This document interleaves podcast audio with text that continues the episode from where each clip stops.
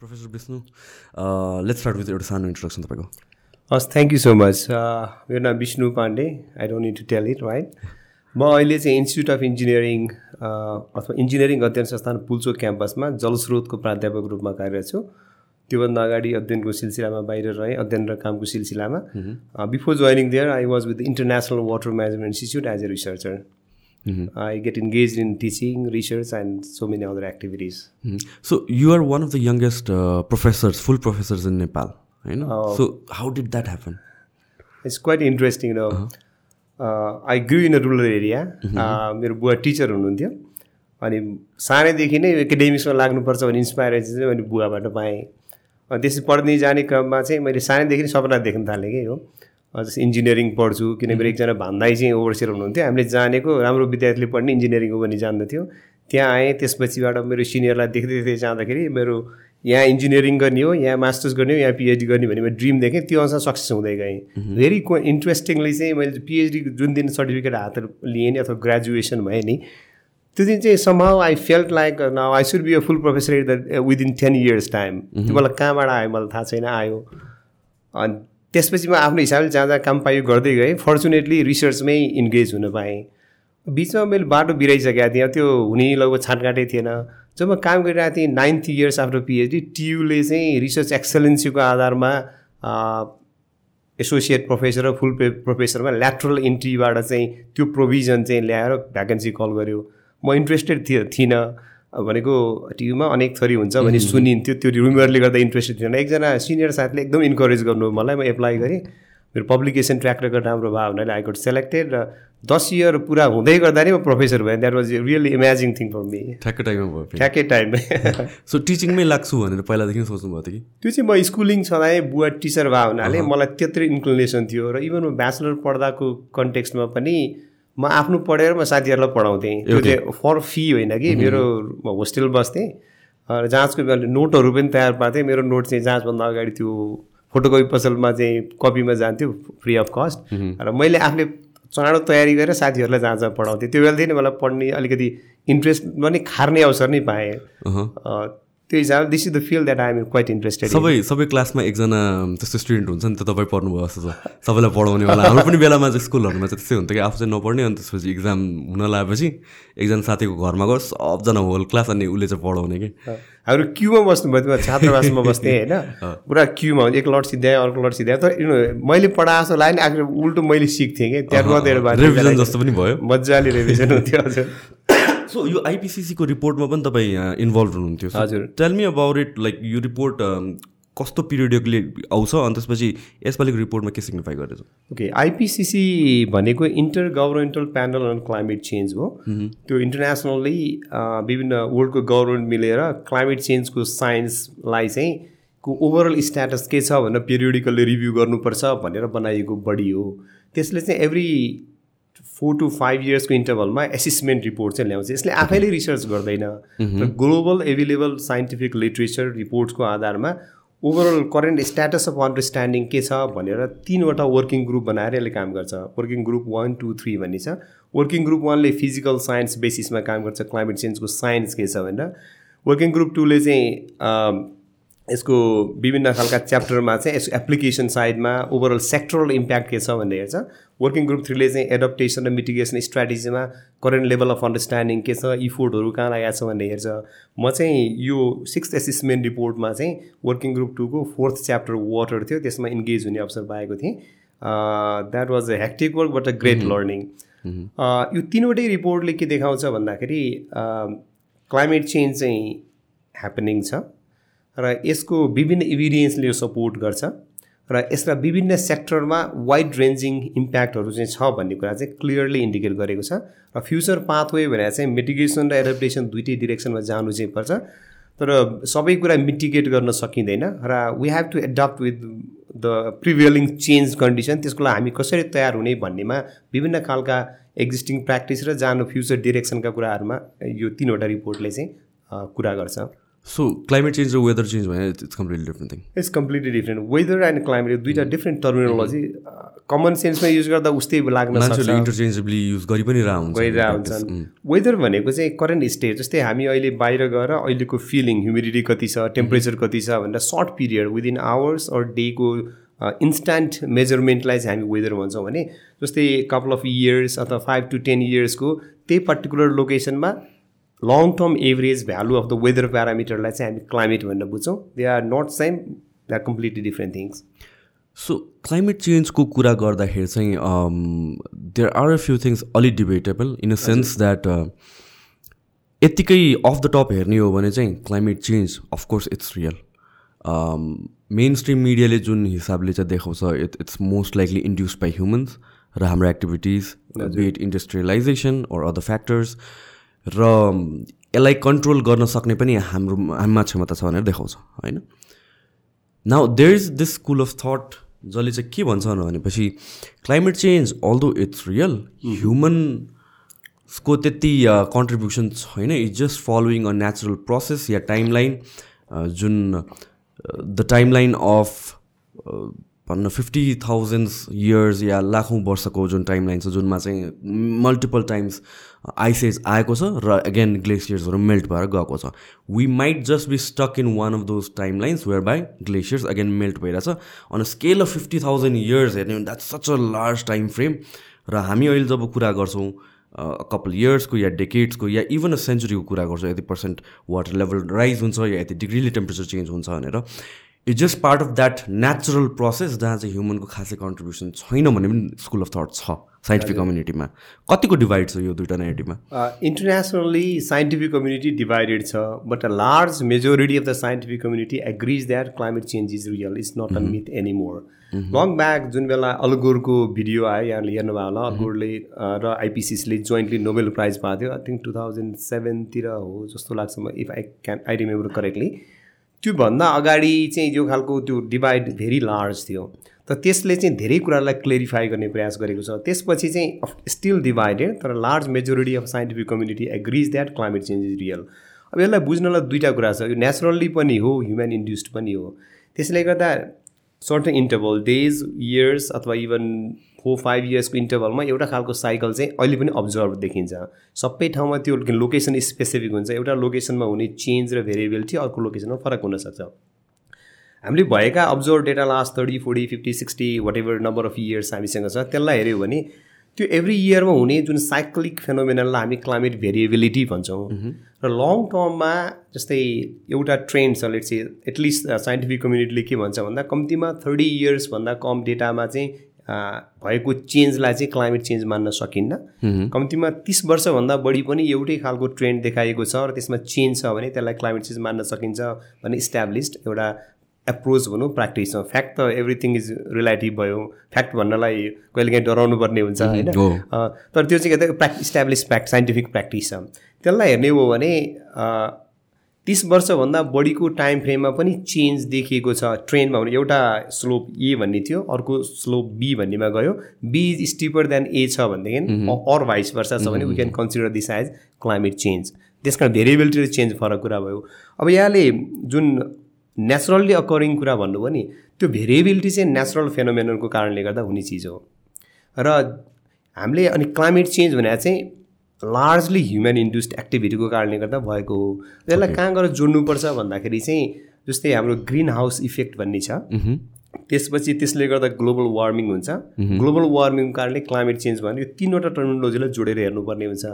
Green house इफेक्टलाई बुझ्ने हो भने हाम्रो इन्टायर ग्लोबल क्लाइमेट सिस्टम भनेको that is driven by sun सनबाट solar radiation आउँछ that is the main source of heat or energy to our earth system right त्यो हिसाबले गर्दा सनबाट आएको सोलर रेडिएसनहरू चाहिँ जब एटमोस्फियरमा आउँछ नि part of that will get observe in the into the atmosphere itself त्यसपछि अर्को part maybe the large part will come back to the earth surface र त्यसबाट रिफ्लेक्ट केही चाहिँ अर्थ सर्फेसले पनि अब्जर्भ गर्छ केही चाहिँ रिफ्लेक्ट ब्याक भएर जान्छ।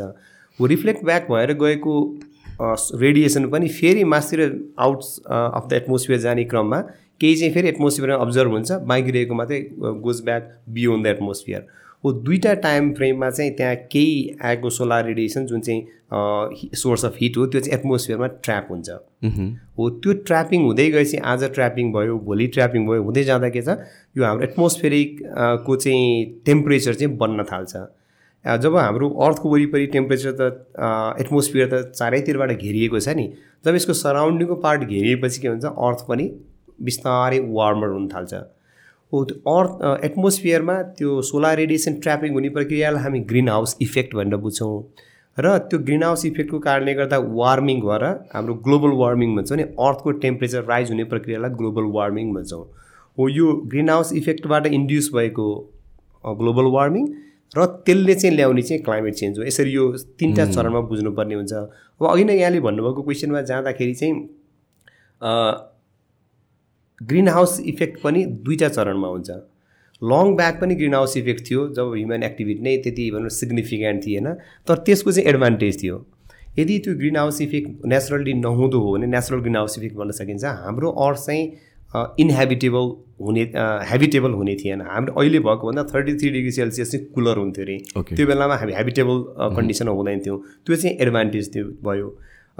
अनि तर ह्युमन इन्ड्युस्ड कारणले गर्दा विभिन्न खालका कल कारखाना बने भेहिकल्सहरू छन् इन्डस्ट्री सञ्चालन छ यी सबैबाट आउने चाहिँ एटमोस्फियरमा इमिट गर्ने भनेको कार्बन डाइअक्साइड होला मिथेन होला कार्बन मोनोअक्साइड होला यी लगायतका विभिन्न ग्यासहरू छन् जसलाई हामी एकमुष्टभन्दा ग्रिन हाउस ग्यास भन्छौँ। एटमोस्फियरमा पनि हुन्छ तर एटमोस्फियरमा भएको कन्सन्ट्रेसनलाई चाहिँ ह्युमन एक्टिभिटीले चाहिँ सिग्निफिकेन्टली बढाइदिएको छ। हो त्यसको कारणले गर्दा चाहिँ जुन नेचुरल भएको ग्रिन हाउस इफेक्ट छ नि त्यसलाई फर्दर इन्हान्स गरिदिएको छ। जसको कारणले गर्दा चाहिँ पछिल्लो समयमा यो वार्मिङको ट्रेन्डहरू टेम्परेचरको ट्रेन्डहरू पनि ऱ्यापिडली राइजिङ छ। हामी लङ टु थ्री हन्ड्रेड इयर्सको चाहिँ टेम्परेचर ट्रेन्ड हेऱ्यो भने त्यो स्लोप सिग्निफिकेन्टली सार्प छ नि। त्यो सार्प हुनु र ह्युमन एक्टिभिटीले ग्रिन हाउस ग्यास चाहिँ एटमोस्फियरमा फाल्ने रेट बढ्नुलाई चाहिँ कन्सिडेन्स मान्न सकिँदैन। सो इन्डस्ट्रियल रेभोल्युसन भएको बेलादेखि चाहिँ यो एक्ज्याक्टली त्यो सार्प राइज छ। ओके त्यो त्यसले के इन्डिकेट गर्छ भन्दा ह्युमन एक्टिभिटीको कारणले गर्दा वार्मिङ ट्रेन्ड बढेको छ जसले गर्दा क्लाइमेट चेन्ज भइरहेको छ भन्ने तथ्यलाई चाहिँ बल पुग्छ। अब एटमोस्फियरमा ग्रिन हाउस ग्यास बढ्यो भनेर कसले भनिदियो त? हामीलाई गेस गरेर त हुने कुरा होइन नि त। त्यो चाहिँ सबभन्दा पहिला चाहिँ नाइन्टिन आई थिङ्क फिफ्टी एटमा जस्तो लाग्छ। यो हवाईमा एउटा ल्याबोरेटरी अब्जर्भेटरी छ मैले नाम अहिले बिर्सेँ। त्यो ल्याबोरेटरीमा किलिङ भन्ने एकजना साइन्टिस्ट हुनुहुन्थ्यो नोवामा काम गर्ने। उहाँले चाहिँ अब त्यो फिल गर्नुभयो। तर फिल गर्न तथ्य नभए त भन्न सकिएन। अनि उहाँले एउटा अब्जर्भेटरी राखेर ग्रिन हाउस ग्यासमा स्पेसली कार्बन डाइअक्साइडको कन्सन्ट्रेसन हाम्रो एटमोस्फियरमा कति छ भनेर अब्जर्भ गर्न थाल्नुभयो। त्यो बेलादेखि कन्टिन्युस डेली बेसिसमा अब्जर्भेसन छ। त्यसले क्लियरली देखाउँछ जब जुन बेला अब्जर्भ गर्यो त्यो बेलामा पन् थ्री हन्ड्रेड पिपिएम जसलाई पार्ट्स पर मिलियन भन्छौँ त्यसको हाराहारीमा सिओ टूको कन्सन्ट्रेसन एटमोस्फियरमा थियो भने त्यसपछि पछिल्लो चरणमा ऱ्यापिडली राइज हुँदै हुँदै अहिले twenty two thousand twenty twenty वानतिर आइपुग्दा आई थिङ्क चार सय बिस पिपिएमको हाराहारी अथवा त्योभन्दा स्लाइटली बढी मैले अहिलेको वर्षको हेरेको छैन त्यो छ। भनेपछि यता ग्रिन हाउस ग्यासको कन्सन्ट्रेसन बढ्ने उता वार्मिङ ट्रेन्ड चाहिँ टेम्परेचरले बढेको देखाउने भने compare to the past rapid rise recent इयरमा देखाउने भन्नाले यसको चाहिँ लिङ्केज छ भन्ने कुरो क्लियरली इन्डिकेट गर्छ। जो चाहिँ ह्युमन एक्टिभिटीको कारणले भएको चाहिँ भन्ने कुरो प्रष्ट देखाउँछ। त्यसैले गर्दा यो तथ्यलाई राम्ररी मनन गर्ने हो भने होला अब पचास सय सरी पचासौँ दसौँ हजार वर्ष अथवा हजारौँ वर्ष अगाडिको आइस एज फेरि रिपिट हुने हो भने त्यो कथा मात्रै भए हामीलाई तथ्यले सपोर्ट गर्दैन। फिलोसफी त विभिन्न हुनसक्यो नि। यहाँले एउटा फिलोसफी राख्न सक्नुहुन्छ। मैले अर्को फिलोसफी दिन सक्छु। तथ्यले त सपोर्ट गर्नु पऱ्यो नि। त्यो हुनसक्ला नोबडी नोज तर अहिलेसम्म एभाइलेबल इभिडियन्सलाई मान्ने र होइन भनेको ग्रिन हाउस ग्यास कन्सन्ट्रेसन र टेम्परेचर राइजको चाहिँ त्यो लिङ्केजलाई हेर्ने भयो भने चाहिँ क्लाइमेट चेन्जलाई रियल मान्ने प्रशस्त आधारहरू छन्। त्यही हिसाबले चाहिँ लार्ज मेजोरिटी अफ साइन्टिफिक कम्युनिटीले चाहिँ क्लाइमेट चेन्ज रियल हो भनेर भनिरहेको अवस्था छ। र आइपिसिसीले त्यो चाहिँ जुन पछिल्लो आई थिङ्क नाइन्टिन नाइन्टी टूमा जस्तो लाग्छ पहिलो एसेसमेन्ट रिपोर्ट निकालेको त्यहाँदेखि अहिलेसम्म छैटौँ एसेसमेन्ट रिपोर्टसम्म आउँदाखेरि अब भनेको कति भयो हामीसँग झन्डै झन्डै तिस वर्ष जति भइसक्यो तिस वर्षको हाराहारी। यो बेलासम्मको इभिडेन्सलाई हेर्दा क्लियरली त्यो पछिल्लो समय चाहिँ चेन्जहरू प्रशस्त प्रष्ट देखिने हुनाले म पर्सनल्ली भन्नुपर्दा क्लाइमेट चेन्ज रियल हो भन्ने विश्वास गर्छु। सो यो क्लाइमेट चेन्जको कुरा गर्दाखेरि या ग्लोबल वार्मिङको कुरा गर्दाखेरि this is all link with the fact that one भनेको destruction of ozone something like that destruction of ozone is one of the impact one of the impact one of the impacts of the warming र अर्को भनेको चाहिँ green हाउसेसहरू green house ग्यासेसहरू trap हुनु।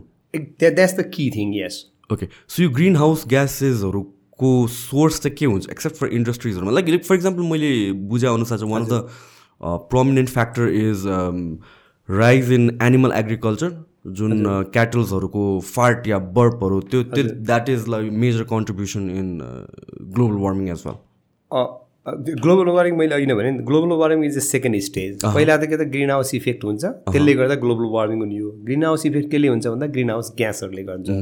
Green house ग्यासको source के हो मेजर सोर्स भन्ने जुन यहाँले भन्नुभयो नि ग्रिन हाउस ग्यास हाम्रो एटमोस्फियरमा पनि हुन्छ जस्तै वाटर भ्यापोर भन्छौँ। That is the major country major greenhouse effect के अरे सरी ग्रिन हाउस ग्यास जसले चाहिँ green house इफेक्टको I think more than twenty five percent contribution चाहिँ वाटर भ्यापोरले गर्छ। तर त्यो त हाम्रो कन्ट्रोलको विषय होइन एटमोस्फियर साइक्लिकल इन नेचर पनि भएर आयो नि त फेरि। साइक्लिक इन नेचर तर सिग्निफिकेन्ट चेन्ज चाहिँ वाटर भ्यापोर कन्टेन्टमा नहुने हुनाले त्यसलाई हाम्रो कन्ट्रोलभन्दा बाहिरको विषय भएर त्यसलाई हामीले काउन्टै गर्दैनौँ। बाँकी रह्यो हामीले कन्ट्रिब्युसन गरिरहेको चाहिँ जुन हामीले कन्ट्रोल गर्न सक्ने if we have the will त्यो चाहिँ के के हो भन्दाखेरि चाहिँ जुन इन्डस्ट्रीदेखि जुन क्याटलदेखि विभिन्न खालको कुरा गरौँ नि यो सबै विभिन्न सोर्स छन्। मलाई के लाग्छ भन्दाखेरि भोल्युम म्याटर्स एउटा इन्डस्ट्री र एउटा एग्रिकल्चर फार्मको कुरा गर्ने हो भने त्यसमा क्वान्टिटी फरक हुनसक्छ। तर हामीले लार्ज स्केलमा कुरा गर्दा त इन्डस्ट्रियलाइजेसन यति हेभी स्केलमा छ कि that we can we all can see पछिल्लो समय एग्रिकल्चर सरी इकोनोमिक ग्रोथको मेजर सोर्स भनेकै फार्म नभएर चाहिँ एग्रिकल्चर नभएर इन्डस्ट्री हो नि त। त्यो हिसाबले गर्दा भोलोमेट्रिक कन्ट्रिब्युसनको हिसाबले कुरा गर्दा industry can be consider at the first one followed by तपाईँको भेहिकल्सबाट हुने emission and so on so majority contribution कुन ग्यासले गरेर भइरहेको मेजोरिटी ग्यासहरू पनि कार्बन डाइअक्साइड कार्बनको पनि मल्टिपल फर्म हुन्छ कार्बन मोनोअक्साइड पनि भन्छौँ कार्बन डाइअक्साइड भन्छौँ अरू मिथेनहरू आदि इत्यादि छ। यो एराउन्ड टेन पर्सेन्ट हाराहारीको जुन ग्रिन हाउस इफेक्ट हुन्छ नि त्यो चाहिँ carbon dioxide seven to ten पर्सेन्टको हाराहारी चाहिँ कार्बन डाइअक्साइड लोनले गर्छ। त्यसमा मान्छेले अथवा ह्युमन इन्ड्युस्ड एक्टिभिटीले कन्ट्रिब्युट गर्ने ग्रिन हाउस ग्यास मध्येमा सिग्निफिकेन्टली ग्रिन हाउस इफेक्टलाई इन्ड्युस गर्ने काम चाहिँ कार्बन डाइअक्साइडले गर्छ। सो यसको अब भनौँ न current current day in age yeah current time अनुसारले हेर्ने हो भने यसको रियल टाइममा इफेक्ट चाहिँ के भइरहेको छ? भनेको जस्तो कि ग्लोबल वार्मिङले गरेर चाहिँ रियल टाइम इफेक्ट चाहिँ के भइरहेको छ? राइज इन टेम्परेचर कसरी भइरहेको छ? अरू वाटर लेभलको कुरा जुन राइज हुने कुराहरू छ यसलाई चाहिँ अब इम्प्याक्टसँग जोडेर हेर्नुपर्छ। किनकि सिक्वेन्सियल्ली के आउँछ भन्दा अहिले मैले भने नि ग्रिन हाउस ग्यास इमिसन भयो। ग्रिन हाउस इफेक्ट जुन नेचुरल्ली पनि हुन्थ्यो त्यसलाई त्यसले बढी इन्हान्स गरिदियो सिग्निफिकेन्टली इन्हान्स गरिसकेपछि ग्लोबल वार्मिङ भयो। वार्मिङ गरेपछि के त क्लाइमेट चेन्जहरू भयो। अब कुरो आउँछ यसले कहाँ इम्प्याक्ट गर्यो त भन्ने कुरा आउँछ नि। इम्प्याक्ट गर्नुको लागि क्लाइमेट चेन्ज पनि मल्टिपल वेदर क्लाइमेटिक प्यारामिटर मध्ये हामीले मेजोरिटी अफ द स्टडीमा हेर्ने चाहिँ दुईवटा प्यारामिटर गर्छन्। एउटा प्रिसिपिटेसनको प्याटर्नमा के कस्तो चेन्ज भयो अर्को टेम्परेचरको प्याटर्न अथवा long term average value seasonal भ्यालुमा के कस्तो चेन्ज भयो भन्ने कुराहरू हेर्छौँ। यो दुइटाको एनालिसिसले more or less majority of the climate चेन्जको weather change भइरहेको छ छैन कुन एक्सटेन्टमा भएको छ भन्नेको इन्डिकेसन गर्छ। यो चेन्जले अब इफेक्ट के गर्यो त भन्ने कुरो यहाँले सोध्नु भएको क्वेसनसँग आउँछ। इफेक्ट चाहिँ मल्टिपल सेक्टरमा गर्छ। वाटर रिसोर्सेसदेखि लिएर डिजास्टर रिस्क म्यानेजमेन्टको सेक्टरदेखि लिएर टुरिज्मदेखि लिएर पब्लिक हेल्थदेखि लिएर एग्रिकल्चरदेखि लिएर इन्भाइरोमेन्ट इकोसिस्टम सबै सेक्टरमा असर पार्छ। तर इन्ट्रेस्टिङली के छ भन्दा यो सबै सेक्टरमा असर पार्ने प्राइमरी मिडियम भनेर चाहिँ वाटर छ in the to a large extent भनेको रेनफलको प्याटर्न चेन्ज भए पनि टेम्परेचरको प्याटर्न चेन्ज टेम्परेचर इन्क्रिज भए पनि अथवा दुइटै हुँदाखेरि प्राइमरी इफेक्ट चाहिँ के हुन्छ त? वाटर रिसोर्समा हुन्छ। त्यो कसरी हुन्छ भन्दाखेरि टेम्परेचर बढ्दाखेरि इभ्यापो ट्रान्सपिरेसन भन्ने हुन्छ। जुन हाइड्रोलोजिकल साइकलमा हामीले कुरा गऱ्यौँ भने त्यसमा इभ्यापो ट्रान्सपिरेसन भन्ने एउटा चिज हुन्छ। त्यो भने इभ्यापोरेसन वी अन्डरस्ट्यान्ड द्याट सर्फेसमा भएको वाटर सोर्स अथवा सोइलमा भएको मोइस्चर त्यसलाई चाहिँ टेम्परेचर बढ्दै गएपछि उसले पानी हामीलाई तिर्खा पानी खान्छौँ नि। एटमोस्फियरलाई तिर्खा उसले पानी खोज्छ। पानी खोज्नलाई चाहिँ एनर्जी चाहिँ टेम्परेचर भयो। त्यसपछि सर्फेस सोर्समा छ भने त्यहाँबाट त्यो पनि छैन भने सोइलमा भएको मोइस्चरबाट तानेर लिएर जान्छ। त्यसलाई हामी इभ्यापोरेसन भन्छौँ। अर्को चाहिँ ट्रान्सपिरेसन भन्छौँ। ट्रान्सपिरेसन चाहिँ त्यो अघि नै भनेकै चिज रुखको पातहरूमा पनि पानी रहेको हुन्छ नि। त्यो गुड एमाउन्ट अफ हुन्छ। त्यहाँबाट इभ्यापोरेसन हुने प्रक्रियालाई ट्रान्सपिरेसन भन्छौँ। एउटा ल्यान्डस्केपमा कुरा गऱ्यो भने इभ्यापोरेसन र ट्रान्सपिरेसन एकैचोटि भइरहेको हुन्छ नि त। जति अहिले इभ्यापोरेसन भएर रोकेर ट्रान्सपिरेसन हुन त हुँदैन। त्यो भएर जोइन्टली हामी हाइड्रोलोजीमा इभ्यापो ट्रान्सपिरेसन प्रोसेस भन्छौँ। जब टेम्परेचरको इन्क्रिज हुन्छ नि इभ्यापो ट्रान्सपिरेसनबाट वाटर लस एटमोस्फियरमा लस हुने।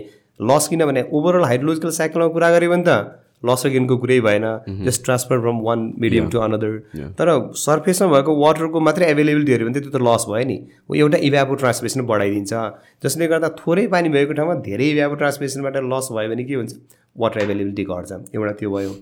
अर्को चाहिँ hydro climatic extremes so so त्यसको इफेक्ट्स भनेको चाहिँ फुड सर्टेजेसमा पनि इफेक्ट हुने एक्ज्याक्टली त्यसले गर्दा फुड सर्टेजमा चाहिँ अर्को फेरि सेकेन्ड चरणमा आउँछ त्यो चाहिँ मेरो वाटर एभाइलेबिलिटी भने एग्रिकल्चरमा म कुरा गरौँला। राइट अर्को भने चाहिँ एक्सट्रिम कन्डिसन जस्तै हाइड्रोलोजिकल एक्सट्रिम भनौँ। प्रेसिपिरेसनको क्लाइमेट चेन्जले गर्दा प्रेसिपिरेसनमा देखिएको चेन्ज टेम्परेचरमा त सिधा टेम्परेचर राइजको कुरो देखिएको छ। त्यो चाहिँ भेरी क्लियर ट्रेन्ड छ।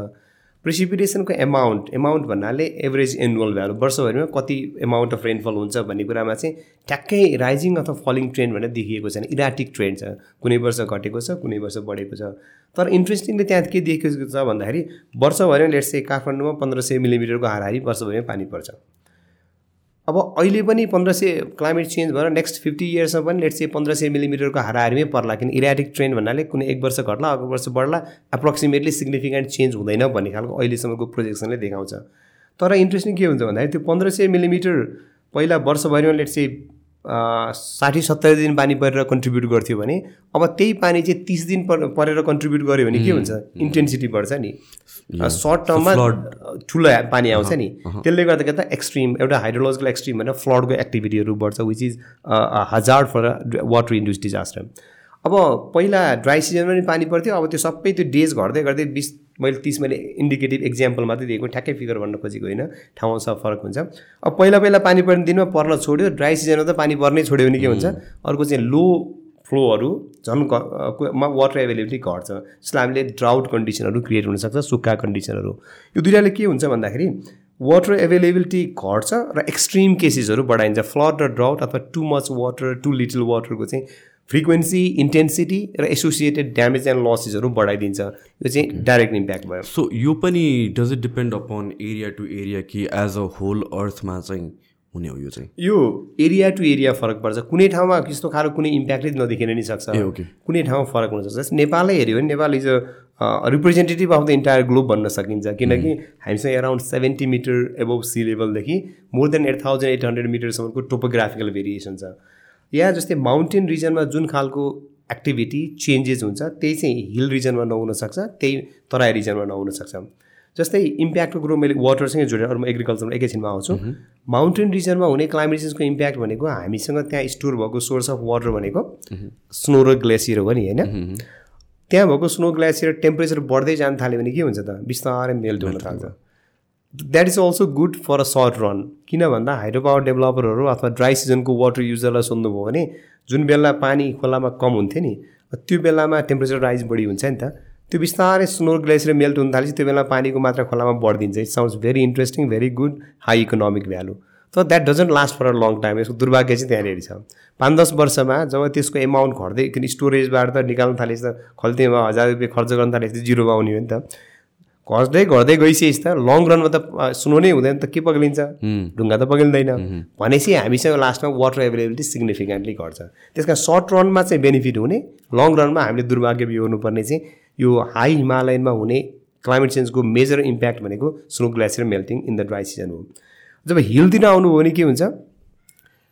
माथिको स्नो ग्लेसियरले बिस्तारै त्यो इन्फिल्ट्रेसन भएर आएको पानीले हिल रिजनमा त्यो स्प्रिङहरू मूलहरू हुने हो नि त। त्यसको लागि वाटर त्यहाँबाट फिल गर्थ्यो होला। माथि सोर्समै सुकेपछि त स्प्रिङहरू अब सुक्न थाल्छन्। अब तराईमा आइपुग्नु के हुन्छ? ड्राई सिजनमै उस्तै परे फ्लड आउने र वेट सिजन भनेको बर्खाको सिजनमा पनि हाई इन्टेन्स रेनफलले गर्दा माथितिरबाट त स्टिप स्लोप हुन्छ पानी छिटो छिटो बगेर आइहाल्छ। तराई रिजनमा चाहिँ फ्लडको सामना गर्नुपर्ने हुन्छ। भनेको यो वाइडर टोपोग्राफीले गर्दा क्लाइमेट चेन्जको लोकेसन स्पेसिफिक इम्प्याक्ट के हुन्छ भन्ने कुरो चाहिँ प्रष्ट बुझ्न सकिन्छ। Nepal is a living lab भन्न सकिन्छ कि रिसर्चको लागि। भनेको in in a nutshell it varies across the location which we can see distinctly within the topographical variation in Nepal itself so global स्केलमा यो के अरे ग्लोबल वार्मिङको या क्लाइमेट चेन्जको इफेक्ट्स हेर्ने हो भने चाहिँ कति टाइम ड्युरेसनमा हामी हेरेर आएको छ whereby this becomes more critical for life livelihood यो अब स्टडी अनुसार फरक फरक छ। मैले अघि नै भने नि सामान्यतया तिस वर्षभन्दा ड्युरेसनमा भएको यति चेन्ज छ यसले इम्प्याक्ट यति गर्यो भन्ने कुरालाई रिलायबल मानिँदैन। तिस वर्षभन्दा बढीको time frame clearly indicative change छ भने र त्यसले चाहिँ एसोसिएटेड इम्प्याक्ट ल्याएको स्टडीहरू छ भने त्यसलाई चाहिँ अलिकति रिलायबल मान्न सकिन्छ। त्यस कारणले कम्तीमा पनि तिस वर्षभन्दा बढीको ड्युरेसन हुनु पऱ्यो। र हामीले प्रोजेक्सन गर्दा फ्युचरको किन अहिलेसम्म के भयो भन्ने अध्ययनले फ्युचरलाई फिड गर्ने हो होइन? किन अध्ययन मात्रै गरेर त अर्थ भएर नि त्यसको फ्युचर इम्प्लिकेसन हेर्नु पऱ्यो नि। त्यसको लागि फ्युचरको प्रोजेक्सन गर्ने गरिन्छ। फ्युचरको प्रोजेक्सन गर्ने अहिलेको ट्रेन्ड चाहिँ के छ भन्दाखेरि हामीसँग ग्लोबल क्लाइमेट मोडलहरू हुन्छन् जसले चाहिँ इन्टायर अर्थको एटमोस्फेरिक प्रोसेसलाई मोडल गर्छ। त्यसको चाहिँ अर्थको हाइड्रोलोजिकल सिस्टम जस्तै हाम्रो तिनवटा सिस्टम बनेर इन्टायर अर्थको हाम्रो क्लाइमेटिक सिस्टम बन्छ। एउटा ल्यान्ड मास छ अर्को ओसियन छ अर्को एटमोस्फियर छ। त्यो तिनवटा चाहिँ एकअर्कामा क्लियरली इन्टरेक्ट भइरहेको हुन्छ। त्यो इन्टरेक्सनको आधारमा चाहिँ मौसम कस्तो हुने जस्तै त्यो विन्डको फ्लो कता हुने बादलहरू कता फ्लो हुन्छ low pressure high pressure area कहाँ पर्छ भन्ने आधारमा ओभर इन्टायर ग्लोबल मेट्रोलोजी चाहिँ डिफाइन गर्छ। त्यो भनिरहँदा चाहिँ के त यो एरियामा यति नै टाइम फ्रेममा यति हुन्छ भन्ने कुरो हुँदैन। त्यसको आधारमा ग्लोबल क्लाइमेट मोडलहरू बनाउँछ होइन भने तिनवटाको इन्टरेक्सनलाई सिमुलेसन गरेर। त्यो अहिलेसम्म एभाइलेबल डेटाले चाहिँ टु थाउजन्ड वान हन्ड्रेडसम्म चाहिँ फ्युचरमा क्लाइमेटको चेन्ज कति एक्सटेन्टमा हुन्छ भनेर प्रोजेक्सन गरिएको पाइन्छ टु थाउजन्ड वान हन्ड्रेडसम्म तर त्यसको इम्प्याक्ट स्टडीमा हेर्दा चाहिँ कसैले टु थाउजन्ड वान हन्ड्रेडसम्म पनि हेर्छन्। तर धेरै अब युज अब भनौँ न एप्लिकेसनमा आउने खालका स्टडी अथवा इन्टरभेन्सनलाई इन्फर्मेसन दिने खालका स्टडी भयो भने मिड सेन्चुरीसम्म हेरेको पाइन्छ भनेको ट्वेन्टी फिफ्टीसम्म। किन भन्दाखेरि स्टडी त डेटा भएपछि जतिको नि गर्न सकियो। तर अर्को दस वर्षमा हुने इन्टरेक्सनले त्यो पछिल्लो दस वर्षको लागि फेरि पनि चेन्ज गरिसक्छ नि। त्यो भएर फार फ्युचरसम्मको एसेसमेन्ट चाहिँ इन्डिकेटिभ त भयो। तर कुनै इन्टरभेन्सन डिजाइन गर्नको लागि इन्फर्मेसन फिड गर्ने किसिमले युजफुल हुँदैन भनेर चाहिँ धेरै जसो युजफुल स्टडीहरू चाहिँ मिड सेन्चुरीसम्म प्रोजेक्सन गरेको पाइन्छ। टु टु थाउजन्ड वान हन्ड्रेडसम्म पनि छ। क्लाइमेट ग्लोबल क्लाइमेट मोडलहरूले दिने डेटा त्योसम्मलाई सपोर्ट गर्ने खालको छ। तर इम्प्याक्ट स्टडीहरूमा चाहिँ जेनरली युजफुल हुनको लागि चाहिँ मिड सेन्चुरीसम्म गरेको धेरै स्टडीहरू पाइन्छ। सो के चेन्ज देखिन्छ युजली लाइक नेक्स्ट हन्ड्रेड इयर्सको जुन most popular model I think मिडियममा आउने पनि त्यो twenty one hundred year twenty one हन्ड्रेडसम्मको model हो। सो कति डिग्री राइज भनेर भनेछ? यो मैले अब त्यसमा जोड्न खोजेँ चाहिँ यो जेनरलाइज गर्ने एउटा कुरा मोर स्पेसिफिक हुने भने त्यसमा दुई तिनवटा कुराहरू जोडिएर आउँछ। एउटा ग्लोबल क्लाइमेट मोडल पनि अहिले एभाइलेबल हेऱ्यो भने बिस बाइसवटा ग्लोबल क्लाइमेट मोडलहरूले चाहिँ ग्लोबल क्लाइमेट सिस्टमको मोडल गरेर ट्वेन्टी वान हन्ड्रेडसम्ममा कति daily projected change in precipitation temperature कति हुन्छ भनेको प्रिडिक्सनहरू दिइरहेको हुन्छन्। जसलाई हामी प्रोजेक्सन भन्छौँ प्रिडिक्सन भन्दा पनि। अब त्यो मोडल अनुसार फरक छ एक नम्बरमा। हरेक मोडलको किन आफ्नै फिजि फिजिकल प्रोसेस एउटै भए पनि फिजिकल प्रोसेसमा इनपुट के लियो कति रिजोल्युसनको लियो भन्ने हुन्छ फरक फरक हुन्छ। एउटा क्लाइमेट मोडलको सेलेक्सनमा फरक पर्छ। अर्को ग्लोबल क्लाइमेट मोडललाई पनि डाउन स्केल गरेर रिजनल क्लाइमेट मोडलहरू बनाएको छ त्यो भने चाहिँ ग्लोबल क्लाइमेट मोडलको रिजोल्युसन लेट चाहिँ फ्यु हन्ड्रेड स्क्वायर किलोमिटर भयो भने रिजनल क्लाइमेट मोडलमा आउँदा फोर्टी फिफ्टी स्क्वायर किलोमिटरसम्म बन्न सक्ला। त्यसलाई डाउन स्केल प्रडक्ट भन्छौँ। त्यसले चाहिँ ग्लोबल क्लाइमेट मोडलभन्दा बेटर रिजल्ट दिन्छ। त्यस कारण ग्लोबल क्लाइमेट एउटा चाहिँ ग्लोबल क्लाइमेट मोडलभित्र पनि बिस बाइसवटा मध्ये कुन चाहिँ युज गर्यो भन्नेले गभर्न गर्छ। त्यसको पनि global product climate model use गर्यो कि रिजनल क्लाइमेट मोडल युज गर्यो भन्नेले पनि असर पार्छ। अब अर्को चाहिँ फ्युचर सिनारियो। किन फ्युचर त युनिडिरेक्सनल त छैन नि। जस्तै हामी यहाँबाट पुल्चो क्याम्पस जानु पऱ्यो नि यता पाटनगरबाट जानु नि सक्यौँ यताबाट जानु सक्यो। दुई तिनटै सिनारी हेरेर चाहिँ बल्ल चाहिँ कुन बाटोमा जाम छैन त्यो हेरेर जान्छौँ होला नि। फ्युचरको पनि त्यसलाई सिनारियो भन्छौँ। फ्युचर सिनारियो अनुसार चाहिँ रिजल्ट फरक हुन्छ। सिनारियो कुरा गर्ने हो भने हाम्रो नाइन्टिन नाइन्टी टू जुन बेला फर्स्ट एसेसमेन्ट रिपोर्ट निस्क्यो आइपिसिसी उनीहरूले सिनारियोको एनालिसिस पनि गर्छ। त्यो बेलादेखि अहिलेसम्म आउँदा सिनारियो चाहिँ माको मा पनि इभोल्युसन हुँदै आइरहेको छ। अब यो अहिलेको ट्वेन्टी ट्वेन्टी वान ट्वेन्टी टूमा निस्केको रिपोर्ट जुन एआर सिक्स भने नि मैले त्यसमा युज भएको सिनारीहरू चाहिँ एसएसपी सिनारियो छ। सेयर्ड सोसियो इकोनोमिक पाथवेज भन्ने सिनारी छ. त्योभित्र पनि तिन चारवटा सिनारी छ. योभन्दा त्योसँग एभाइलेबल लिट्रेचर चाहिँ धेरै भेटिँदैन किनकि यो भर्खर आएको सिनारी हो बिस्तारै बिस्तारै लिट्रेचर बजार भनेको ग्लोबल साइन्टिफिक कम्युनिटीमा रिलिज हुँदैछ. Large majority of climate change impact study चाहिँ यहाँले आरसिपी सिनारी युज गरेको पाउनुहुन्छ. जुन चाहिँ फिफ्थ एसेसमेन्ट रिपोर्टमा युज गरेको छ आरसिपी भनेको रिप्रेजेन्टेटिभ कन्सन्ट्रेसन पाथवे सिनारी हो त्योभित्र पनि चारवटा सिनारी हुन्छ। RCP two point six four point five six र एट पोइन्ट फाइभ भनेर। यो सिनारीले के सिग्निफाई गर्छ भन्दाखेरि चाहिँ scenario number one two three फोरमा वानले चाहिँ ग्लोबल्ली जुन ग्रिन हाउस ग्यास भने अल्टिमेट त ग्रिन हाउस ग्यासै हो नि त। ग्रिन हाउस ग्यास कन्सन्ट्रेसन एटमोस्फियरमा कति पिपिएमसम्म भएको हुनसक्ला भनेर एउटा सिनारियो बनायो। सिनारियो वानले लेट चाहिँ फाइभ हन्ड्रेड भन्ला. For just an example scenario टूले six hundred भन्दा सिनारियो थ्रीले सेभेन हन्ड्रेड भन्ला एन्ड सो वान त्यस्तै अर्को प्यारामिटर ग्लोबल टेम्परेचर राइज चाहिँ अन एन एभरेज कति डिग्री सेल्सियस हुन्छ भन्ने अर्को लिन्छ. हरेक सिनारियोले चाहिँ एउटा एटमोस्फियरमा कन्सन्ट्रेसन ग्रिन हाउस ग्यासहरू कति हुन्छ भन्ने कुराको आधारमा एभरेज टेम्परेचर राइज कति हुन्छ भन्ने आधारमा चाहिँ त्यसले चाहिँ यसले पोटेन्सियल इम्प्याक्ट कति गर्न सक्छ भन्ने कुरा डिफाइन गर्छ। पोटेन्सियल इम्प्याक्ट भनेको चाहिँ इम्प्याक्ट गर्न सक्ने पोटेन्सियल जसलाई हामी रेडिएटिभ फोर्सिङ भन्छौँ। भनेको एक स्क्वायर मिटरमा कति वाटको एनर्जी चाहिँ यसले बढाइदिन्छ।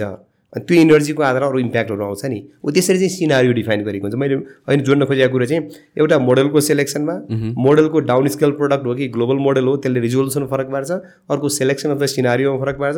अनि सेम चिज हुँदा पनि अब्जर्भ डेटाको किन अब्जर्भ डेटासँग नजोडिकन हामीले त्यसमा ग्लोबल क्लाइमेट मोडल अथवा रिजनल मोडलमा बायसेसहरू हुन्छन्। त्यो बायसलाई करेक्सन गर्नुपर्ने हुन्छ। अब्जर्भ डेटाको रिलायबिलिटी र अर्को लोकेसन कहाँ? अहिले मैले नेपालको इक्जाम्पल दिएँ नि।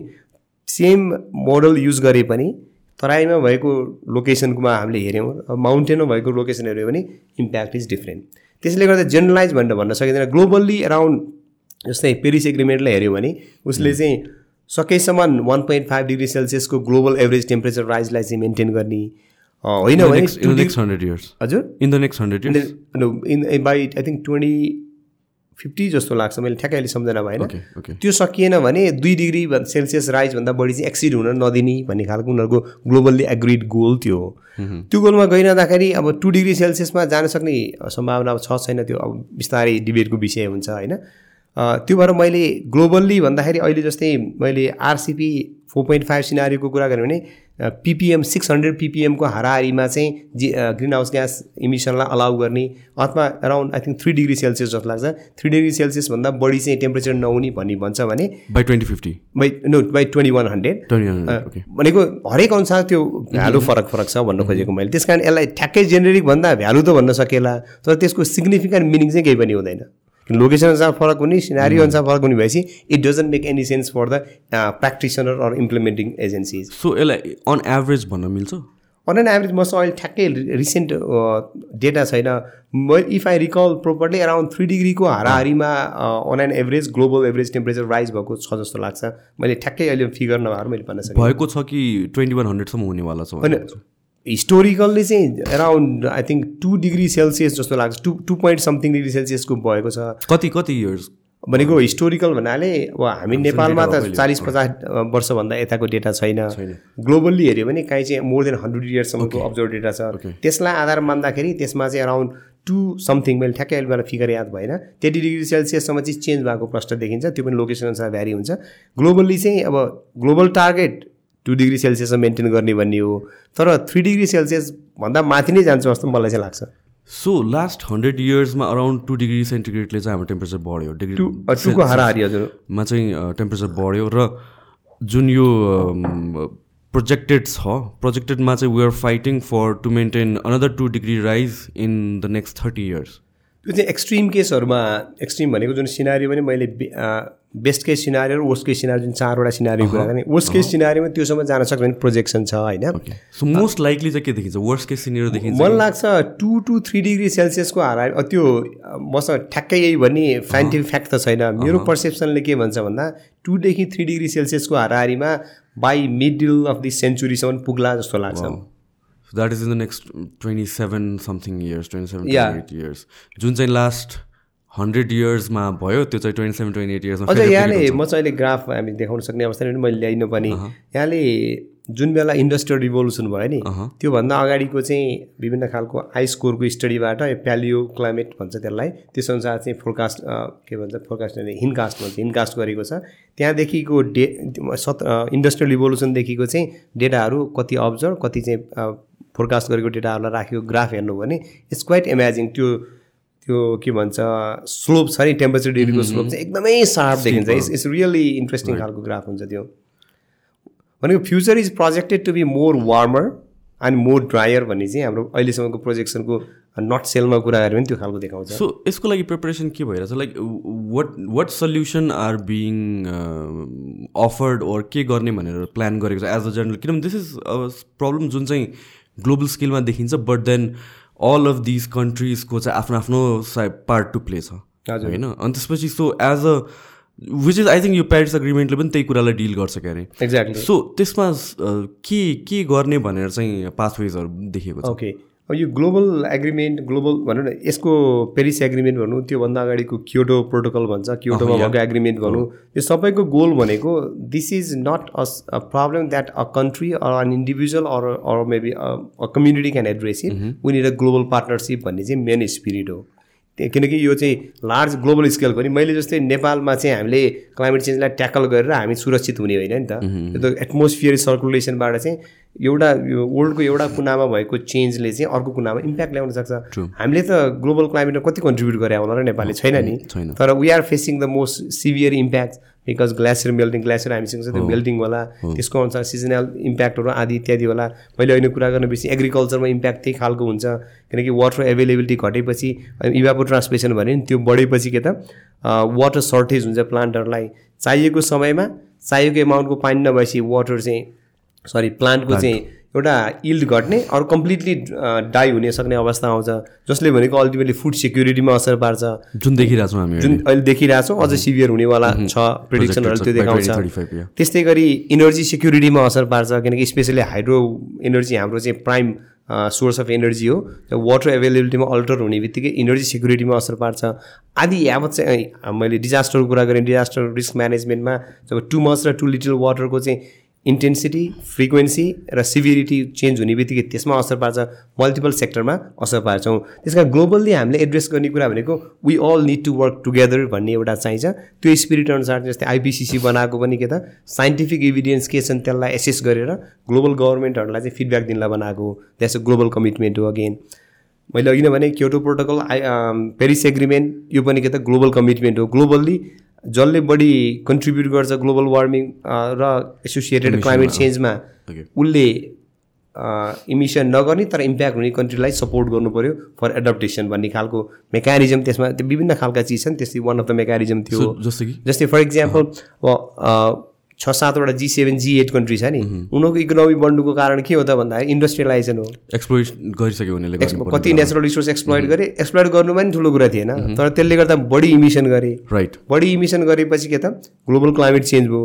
त्यो क्लाइमेट चेन्जको असर त्यो जी सेभेन जी एटलाई मात्रै परायो भने केही पनि हुँदैन थियो तर त्यो इम्प्याक्ट चाहिँ ग्लोबली परिरहेको छ हामी जस्तो कन्ट्री जसले चाहिँ industrialisation very very low level छौँ हामीले इम्प्याक्ट हेर्नु परेको छ त्यस कारणले उनीहरूको रेस्पोन्सिबिलिटी के हो त भन्दाखेरि तिन चारवटा कुराहरू छ। जस्तै एउटा चाहिँ आफ्नै देशमा सकिन्छ भने इमिसन घटाउने।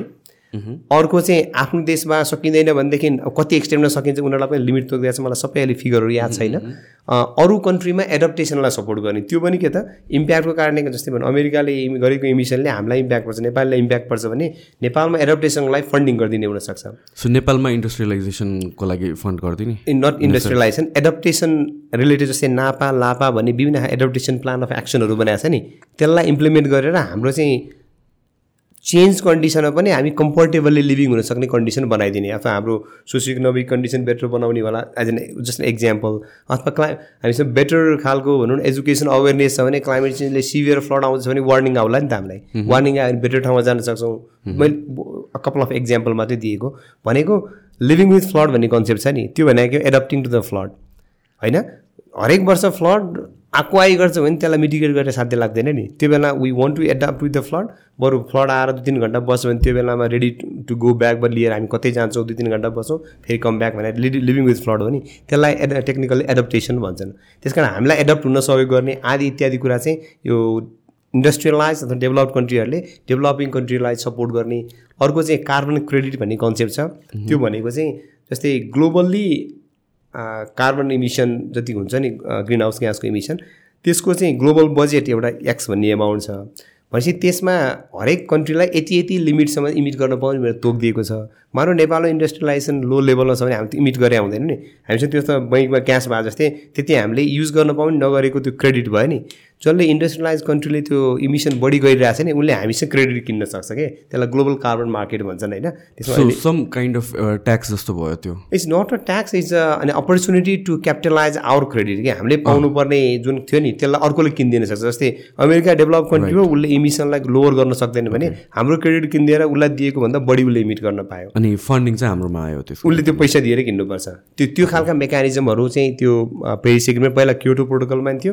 पेरिस एग्रिमेन्टले पनि अगाडि बढाएको छ। मैले यहाँ जोड्न खोजेको कुरो चाहिँ के हो भन्दाखेरि डेभलप कन्ट्रीहरूले गरेको इमिसनको कारणले गर्दा डेभलपिङ कन्ट्रीहरूलाई चाहिँ पर्ने असरलाई मिनिमाइज गर्नलाई फन्डिङ गर्ने मेकानिजमहरू चाहिँ छ जसलाई हामी एडप्टेसन प्र्याक्टिसेस भन्छौँ। त्यसलाई ग्लोबल फन्डिङ फन्डहरू बनाएको छ जस्तै ग्लोबल एडप्टेसन फन्ड भन्छन् ग्लोबल क्लाइमेट फन्ड भन्छन् जिइएफ जो चाहिँ सबै चाहिँ ग्लोबल इन्भाइरोमेन्ट फेसिलिटी भन्ने अर्गनाइजेसन थ्रु चाहिँ यो त्यसलाई चाहिँ सर्कुलेट गरेको हुन्छ। तर त्यो एसेस गर्न विभिन्न खालका हर्डलहरू छन् त्यो आफ्ना एकदमै भनौँ न गाह्रो प्रोसेसहरू छन् त्यो आफ्नो ठाउँमा छ। तर त्यस्ता खालका फन्डका मेकानिजमहरू बनाएको छ। भनेको वी निड टु वर्क टुगेदरको कन्सेप्टमा चाहिँ यो कुरा आएको एउटा त्यो कुरा भने we need to collaborate we need to work together we need to address the this global problem together भन्ने एउटा चाहिँ रेस्पोन्स त्यो भयो।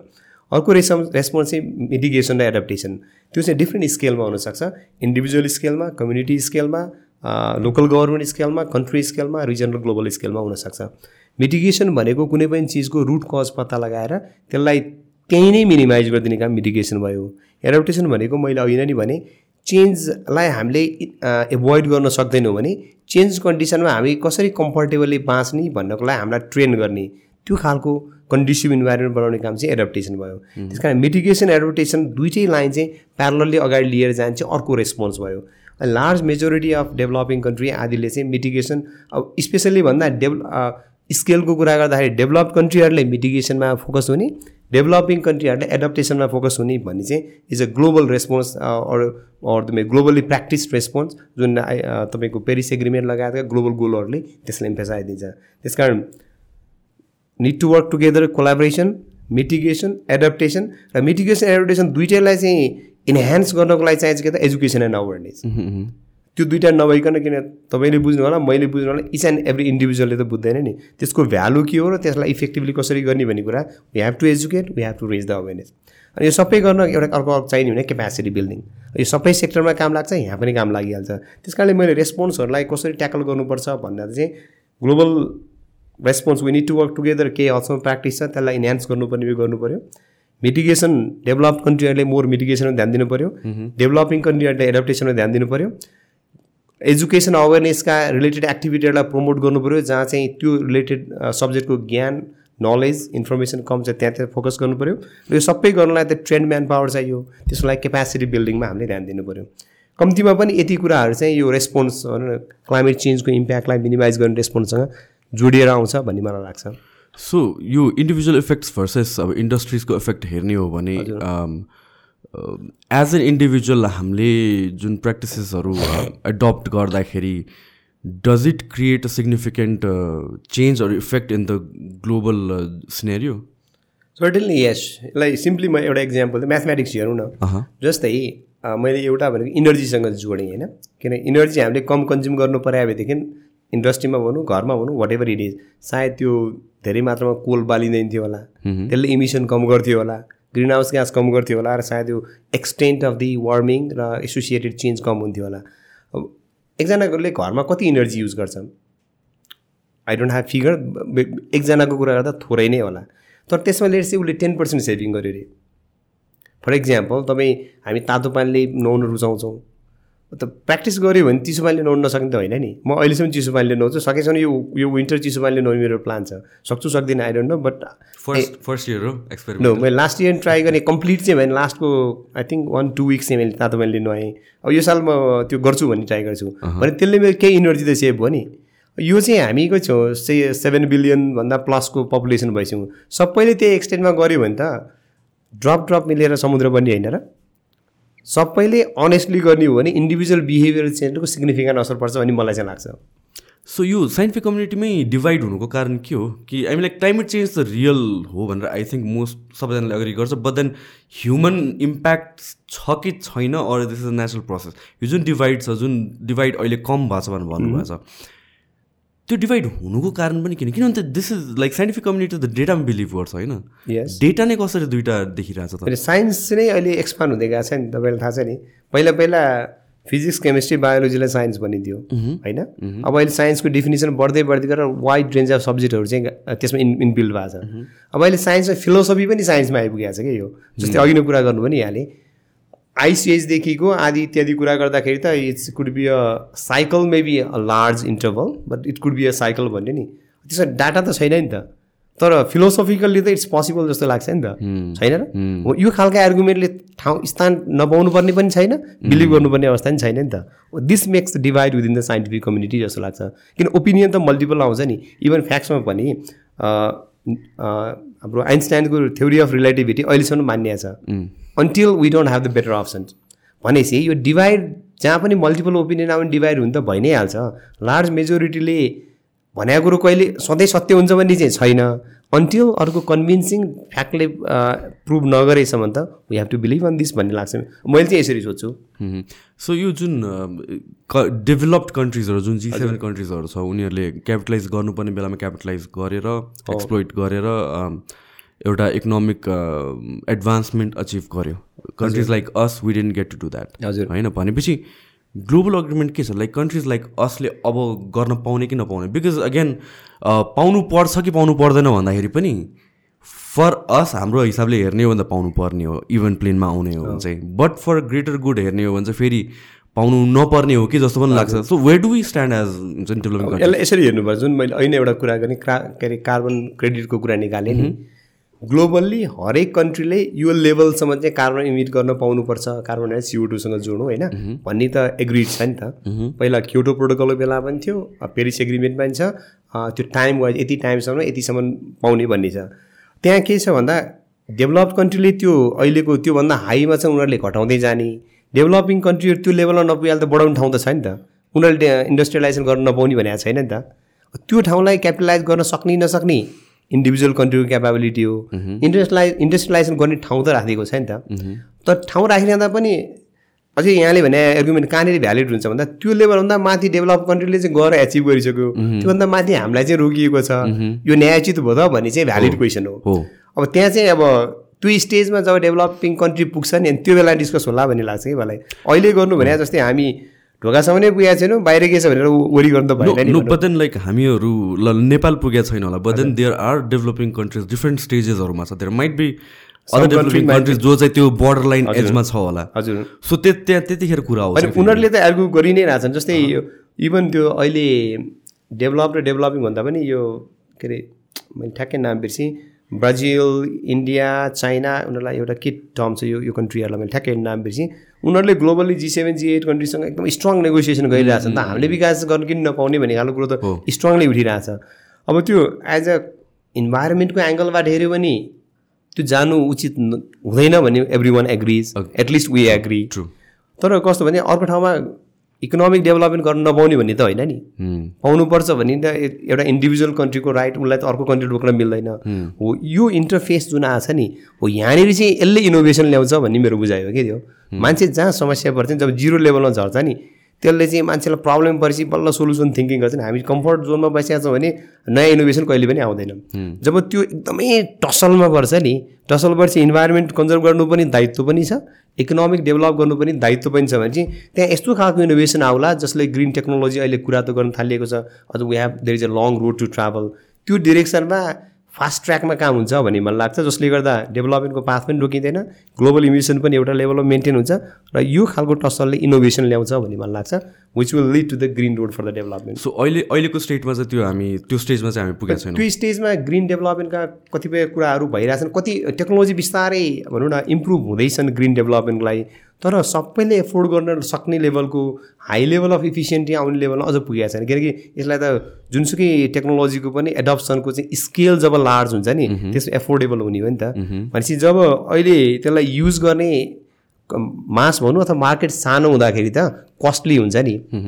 अब जब यो बिस्तारै अहिले मैले भनेको स्टेजमा पुग्छ इनोभेसन अझ खारिन्छ। फर इक्जाम्पल एउटा सिम्पल कुरा गरौँ न डिसालिनेसन। सिङ्गापुर जस्तो कन्ट्रीहरूले समुद्रको पानीलाई डिसालिनेसन गरेर त्यो साल्ट हटाएरै ड्रिङ्क गर्छ। तर कस्ट इज भेरी हाई। तर ग्लोबल्ली के काम भइरहेको छ रिसर्चमा भन्दाखेरि यसलाई कसरी एफोर्डेबल बनाउने सबैले इजिली जस्तै हामीले बोतल पानी किनेको छौँ उसमा त्यो कस्टमा ल्याउने भन्ने रिसर्च भइरहेछ। यो चाहिँ कन्टिन्युस प्रोसेस हो। एउटा वान पोइन्ट अफ टाइममा गएर एफोर्डेबल उसमा आउँछ भन्ने मलाई लाग्छ। त्यो वान पोइन्ट कहिले आउँछ? Nobody can tell it त्यसले चाहिँ जस्तै यो हाम्रो कोभिडको क्राइसिसको बेला त लेस देन अ इयरको हराएर भ्याक्सिन आयो नि त। यो सामान्य अवस्था भन्ने भने बियोन इमेजिनेसनको कुरा हो। किनकि समस्याले त सोल्युसन ल्याउँछ नि त। त्यस कारण जब त्यो टसल चाहिँ एकदमै रिगरस हुन्छ नि त्यसले इनोभेसन त्यसको स्पिड र त्यसको इफिसियन्सी बढाउँछ भन्ने मलाई लाग्छ। So in context of global कन्टेक्समा त भयो हामी लोकल कन्टेक्समा आउँदाखेरि नेपालको कन्टेक्समा यो इन्भाइरोमेन्ट चेन्ज क्लाइमेट चेन्जको इम्प्याक्ट चाहिँ के देखिरहेको छ? र के देख्नेवाला छ नियर फ्युचरमा चाहिँ? नियर फ्युचर मैले अघि नै भने नेपालको लोकेसन स्पेसिफिकै हुन्छ हरेक सेक्टरमा इम्प्याक्ट देखिएको देखिएको छ। वाटर एभाइलेबिलिटीको कुरा गर्ने भने रिसेन्ट मैले अहिले गरेको एउटा दुइटा रिसर्चले पनि र प्लस अरू लिट्रेचरले के देखाउँछ भन्दाखेरि वाटर एभाइलेबिलिटी ड्राई सिजनमा स्पेसली स्नो फेयर रिभरहरूमा बढेको देखाउँछ। That's good for hydro power developers किनकि ड्राई सिजनमा इनर्जीको प्राइस नर्मल सिजनभन्दा धेरै नै हाई हुन्छ। त्यो बेला मोर इनर्जी प्रोडक्सन पाएछ त सुन्न सुगन्ध भइहाल्यो. द्याट साउन्ड्स भेरी गुड तर त्यो फर्चुन छ नि त्यो fortune will not last for a long time if the temperature will continue to rise at the same rate त्यो हुँदै हुँदै आउँदा मैले अघि भने बिस्तारै हिम पाहाडका मूलहरू सुक्नु थाल्ला यदि माथि कम्प्लिटली घट्यो भने तराईमा आउँदा फ्लडिङका कुराहरू आउँछन्। त्यस कारण लोकेसन स्पेसिफिक इम्प्याक्ट हुन्छ।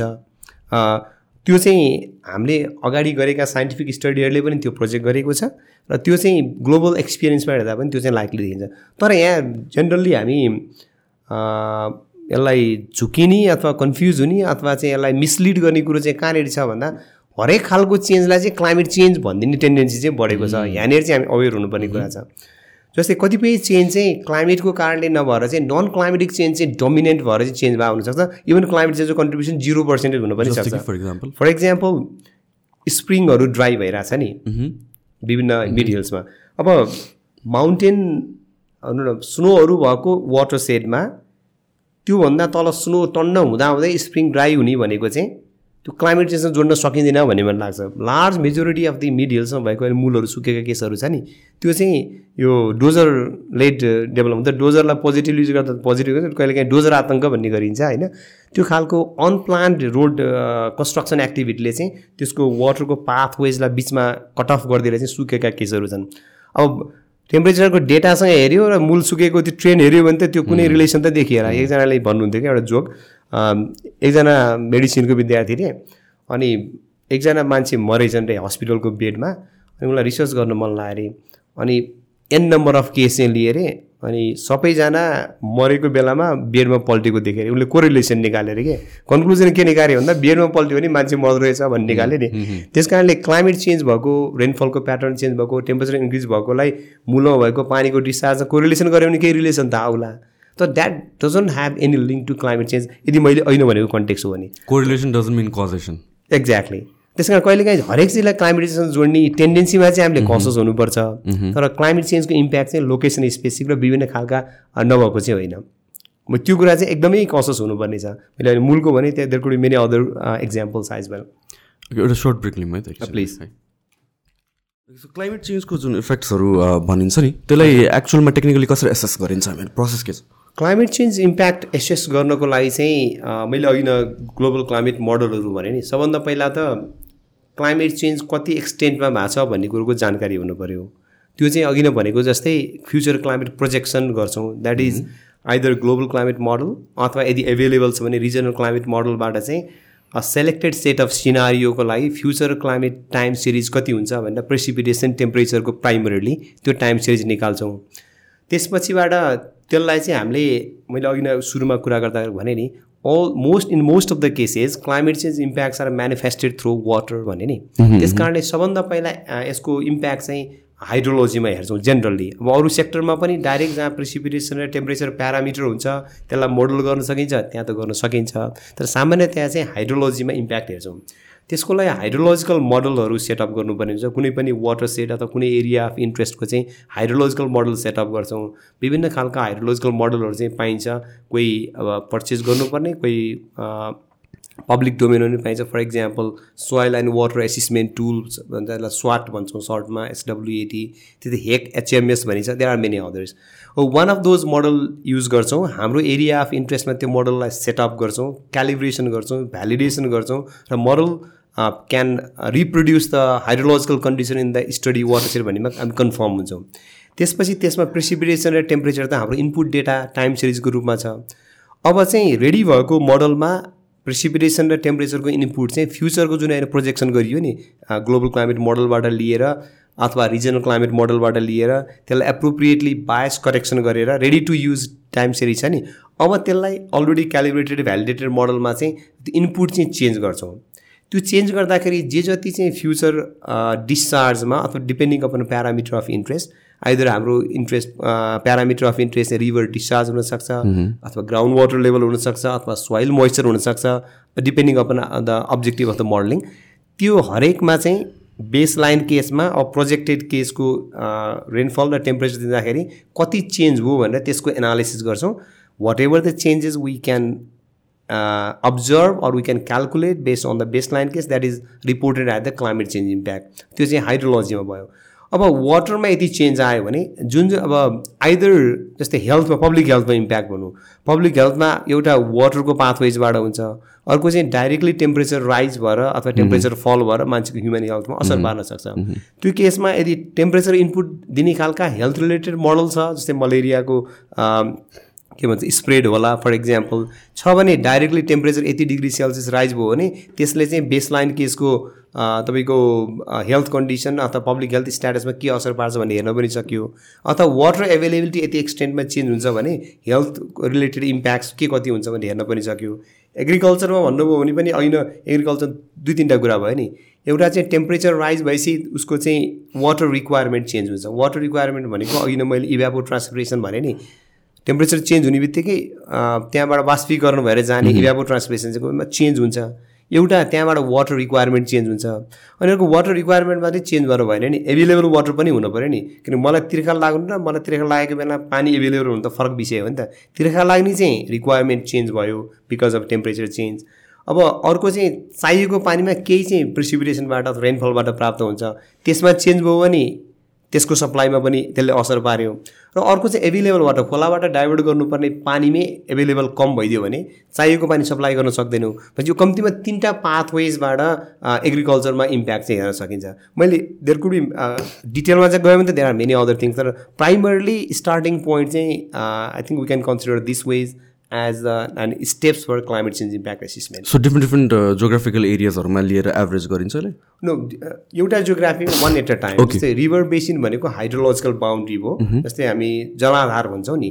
जलाधारको लागि चाहिँ डिफ्रेन्ट जोग्राफिक लोकेसन त्योभित्र पर्छ। त्यसले वाटर एभाइलेबिलिटी मात्रै असर पार्यो। जस्तै agriculture related impact health impact related impact हुने त एउटा सानो एरिया अथवा एउटा एरिया अफ इन्ट्रेस्टमा चाहिँ गर्न सकिन्छ। डिफ्रेन्ट लोकेसनमा गएर एभरेजिङ गर्दैनौँ। किन सानो एरिया त सिग्निफिकेन्ट भेरिएसन हुँदैन नि त। Okay okay so any last message or किनभने हामी I think we have cover pretty everything anything to say at last thank you हामीले जस्ट मैले भनेको कुरा समराइज गरेर चार पाँचवटा म्यासेजको रूपमा हाम्रो अडियन्सहरूलाई सेयर गर्न सकिन्छ। एउटा चाहिँ climate change is real or myth भन्ने कुरामा क्लाइमेट चेन्ज इज रियल मैले अगाडि पनि कुरा गरेँ। अहिले of course global scientific community is a bit divided but the available evidence for the last hundred years so supports that climate change is real second भनेको चाहिँ क्लाइमेट चेन्जलाई address कसरी गर्ने त भन्दा हुज रेस्पोन्सिबिलिटी इज इट भन्ने question आउँछ। My understanding here is it is every one's responsibility response to climate change can be from individual level from community level from the local government level from the national government level from regional organisations like हाम्रो सार्क छ अनि यस्ता खालको organisation हुनसक्छन्। र global सबै लेभलबाट type of response could be different but the response is required from required from every scale अथवा every लेभलमा चाहिन्छ। दोस्रो म्यासेज मैले त्यो सेयर गर्न चाहेँ। थर्डमा कुरा गर्ने हो भने हामी इन्डिभिजुअलको चाहिँ रोल छ कि छैन त? अघि नै यहाँले बिच क्वेसन पनि राख्नुभयो। हरेक इन्डिभिजुअलले थोरै बिहेभियर चेन्ज गर्दाखेरि ग्लोबल्ली सिग्निफिकेन्ट इम्प्याक्ट पर्ला त भनेर क्वेसन भ्यालिड हो। मैले अघि एन्सर पनि गरेँ। हामीले गर्ने बिहेभियरल चेन्ज जस्तै फुड हेबिट भनौँ भेजिटेरियन हुनु र नन भेजिटेरियन हुनुमा इनर्जी ग्लोबल इनर्जी कन्ज्युम्सनदेखि लिएर वाटर कन्ज्युम्सनदेखि लिएर सिग्निफिकेन्ट फरक छ। जसलाई हामी इनर्जी फुटप्रिन्ट वाटर फुटप्रिन्टको कन्सेप्टबाट अझ बढी बुझ्न सक्छौँ। Those who are interested can explore more भनेपछि फुड डायटरी सिस्टमले पनि सिग्निफिकेन्ट असर पर्छ। र अर्को हाम्रो बिहेभियरल चेन्ज मैले अहिले इक्जाम्पल पनि दिएँ। तातो पानीले नहुने चिसो पानीले नहुने आदि इत्यादिले के त सिग्निफिकेन्ट फरक पार्न सक्छ। त्यस कारणले हरेक इन्डिभिजुअलले गर्ने बिहेभियरल चेन्जले ग्लोबल क्लाइमेट चेन्जको इम्प्याक्टमा अर्थ राख्छ। त्यसैले we every one can contribute in this initiative by changing our behaviour third message त्यो भन्न चाहेँ। फोर्थ म्यासेजको कुरा गर्ने हो भने हाम्रो एडप्टेसन स्ट्राटेजी अहिले मैले कुरा गरेँ नि क्लाइमेट चेन्जलाई रेस्पोन्स गर्ने एडप्टेसन मिटिगेसन स्ट्राटेजी हुनसक्छ। हामी डेभलपिङ कन्ट्रीहरूलाई अपर्च्युनिटी के छ भन्दाखेरि ग्लोबल एग्रिमेन्टहरूले त्यो अहिले कार्बन क्रेडिट मैले इक्जाम्पल दिएँ त्यस एडप्टेसन फन्ड छ विभिन्न खालका ग्लोबल क्लाइमेट फन्डहरू एभाइलेबल छ। If we have very strong or compelling proposal which can so that okay these are the impact related to climate change I want to propose some solutions for addressing the climate change भन्ने खालको छ भने global climate large amount of global financial रिसोर्सेसहरू access गर्न सक्छौँ. That is an opportunity for us so whoever is interested can explore further in that direction र final message भनेको चाहिँ हाम्रो यो अडियन्स चाहिँ अलिक यथ खालको हुने हुनाले for every youth what I would like to encourage is हाम्रो करियर पाथमा अहिलेको पछिल्लो समय पाँच दस वर्षको सिनारी हेर्ने हो भने जुन करियरमा गए पनि क्लाइमेटको रिलेटेड कम्पोनेन्ट अब जानेर नजानेर होइन भने जस्तै हरेक चिजलाई क्लाइमेटसँग जोडेर होस् वाट एभर इट इज क्लाइमेटको कम्पोनेन्ट त्यहाँ भइरहेकै हुन्छ। त्यस कारणले कम्तीमा fundamental understanding of what climate is how it works how the impacts are assessed how one should response what are the global practices on it भन्नेको कम्तीमा पनि थोरै नलेज पनि राख्नुभयो भने that will support to your career भन्ने चाहिँ म म्यासेज दिन चाहन्छु। हस् doctor Vishnu thank you so much for time thank you it was a pleasure talking with you thank you thank you so much